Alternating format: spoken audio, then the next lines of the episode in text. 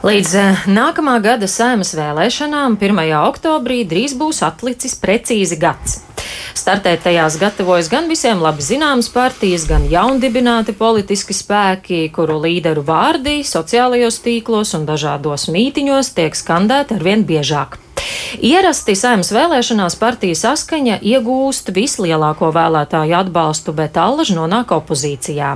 Kāds būs šīs partijas piedāvājums šoreiz un kā no opozīcijas puses saskaņieši raugās uz Covid krīzes vadību, par to šorīt sarunāšos ar partijas saskaņa valdes priekšsādātāju Jāni Urbanoviču. Labrīt! Labrīt! Sāksim ar aktuālo, proti, saslimstību ar covid. Tādiem žēl visu laiku aug, un eh, saima lēmumus, piemēram, arī par obligāto vakcināciju, ir deleģējusi lemt valdībai. Tagad eh, valdība plāno noteikt eh, atsevišķām profesijām par pienākumu vakcinēties. Kā jūs uz to raugāties, vai šādu lēmumu uzlikt par pienākumu vakcinēties noteiktām profesijām jūs atbalstāt? Katrā ziņā mēs jau labu laiku atpakaļ mēģinājām pierunāt valdību un valdošās koalīcijas. Dažādas valdības vairāk atklāti, godīgi runāt ar cilvēkiem, lai nevajadzētu pātagas principu ieviest. Cilvēki nav tik liela muļķa, kā valdība viņu uzskata, ka viņus vajadzēs noteikti piespiest, ka cilvēki būtu gatavi, manuprāt, parūpēties par savu, savu tuvinieku veselību Cita ceļa, kā vakcinēties, nav labāka. Es domāju, katrā ziņā cilvēki ietu, bet meli un šī uzpūtīgā visgudrība, ko demonstrē tāda visa valdība un īpaši jau veselības ministrs, nu, un savu kļūdu neatzīšana, nu, tas viss ir ar vienu vārdu meli. Un par ko tieši šie meli? Meli par visu. Par visu no sākta gala. Kā pandēmija nāca, tā cita pandēmija, melu pandēmija pārnāca un uzpūtības un, un šī nesodāmība. Jo mums jau vara no, nav, nav atkarīga no cilvēku domām par viņu. Katru reizi uh, vara, vara pa šiem gandrīz 30 gadiem nav mainījusies. Visu laiku ir viena un tā pati uh, liberāli centriski konservatīvā valdība, mainoties atsevišķu partiju nosaukumiem, migrējot uh, politiķiem no vienas partijas uz otru, viņi ir saglabājuši varu. Tas šī varas nemainīguma princips ir arī radījis šo nesodāmības apziņu, ka viņi var rīkoties kā viņi grib, ka viņi nāk no dieva, ne no tautas. Bet par vakcināciju, kur tieši ir problēma? Kā mums to mums veicināt, melot, lai nu, nebūtu jāliek obligāts pienākums? Es domāju, darīt? ka valdība ir daudz ko nokavējusi. Un tāpēc viņi tagad histēriski mēģina piespiest, tādā veidā labot pašu savu kļūdu. Es domāju, viņiem vajadzētu vispirms atvainoties.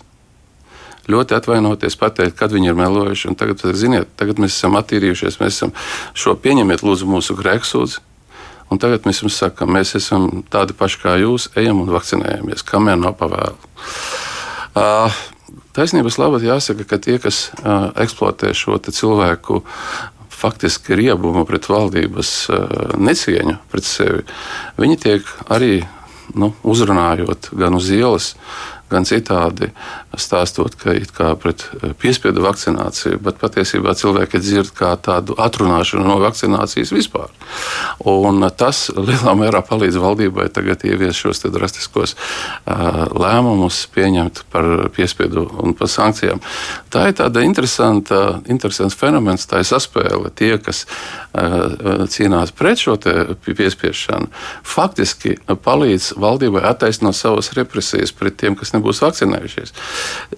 Es domāju, ka abi šie, šie virzieni, abi šie politiskie tecējumi būs vainīgi par katru, kas cietīs no šī. Jo dzīvība ir uz, uz, uz, uz kā saka, dzīvību likme pašreiz ir tiek izspēlēta gan no valdības, gan valdības šīs piespiešanas noliedzēju puses. Tomēr šie lēmumi, atbildīgie lēmumi šajā krīzē varētu būt bijuši arī saimas pienākums.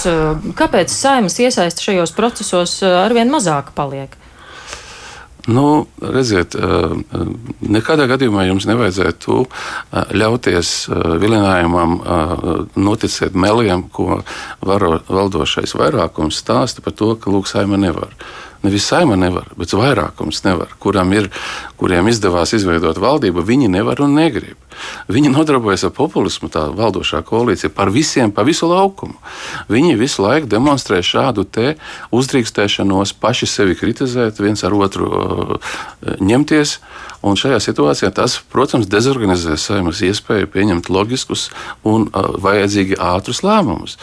Šajā situācijā, protams, prezidents uh, rīkojās pareizi mudinot, ja jau valdošajā koalīcijā, tieši valdošā koalīcija nav spējīga virzīt šīs lietas kā, kā likumdevējiem pienāktos, nu, tad atdot mazākai saimai, kura tāpat ir valdošās koalīcijas un prezidenta stutēta, proti valdībai. Bet arī tas nedod savu rezultātu, jo viņiem nav šīs bailes, ka par katru muļķību, par katru nepareizi lēmumu, viņi tiks sodīti.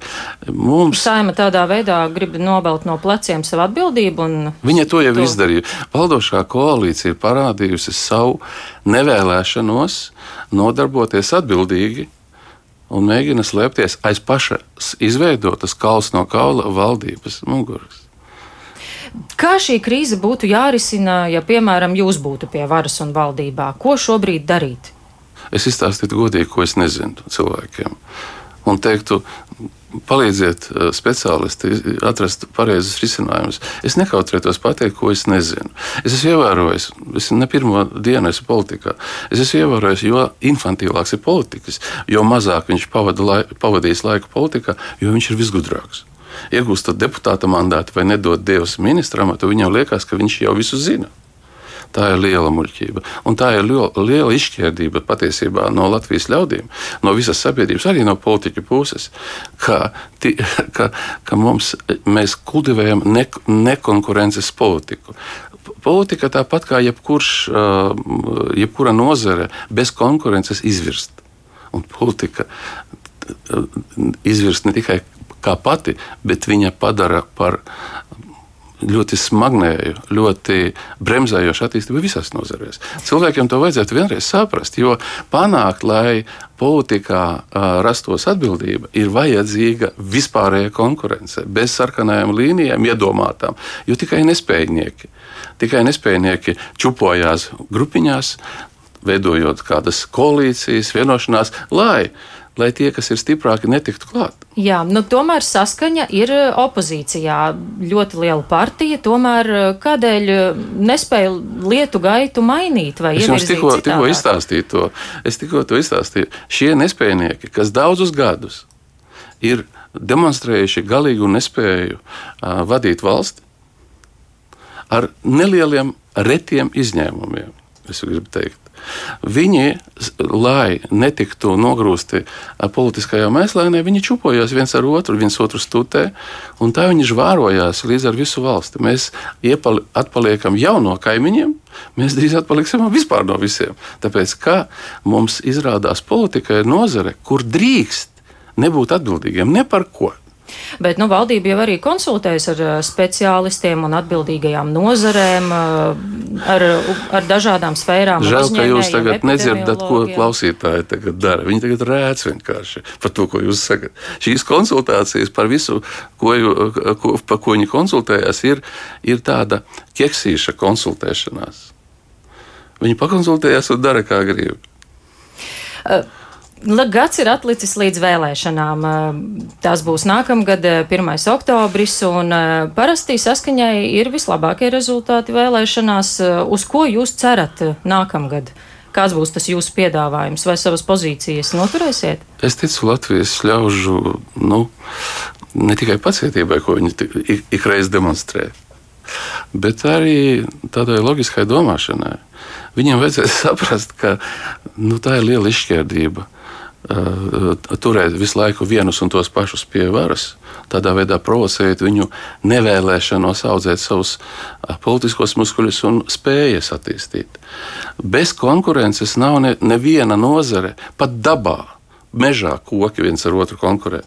Cilvēkiem un visās nozarēs ir tāpat, tāpēc ir vajadzīga mūžīga un nemitīga ikdienas konkurence starp visiem, pa visu politisko laukumu, kurā būtu uh, demonstrēta labākais piedāvājums un uh, labākā piedāvājuma uh, teiksim, izteicēji, piedāvātāji varētu pierādīt savu varēšanu šo piedāvājumu realizēt. Atkal būsiet opozīcijā? Es, redziet, mums ir.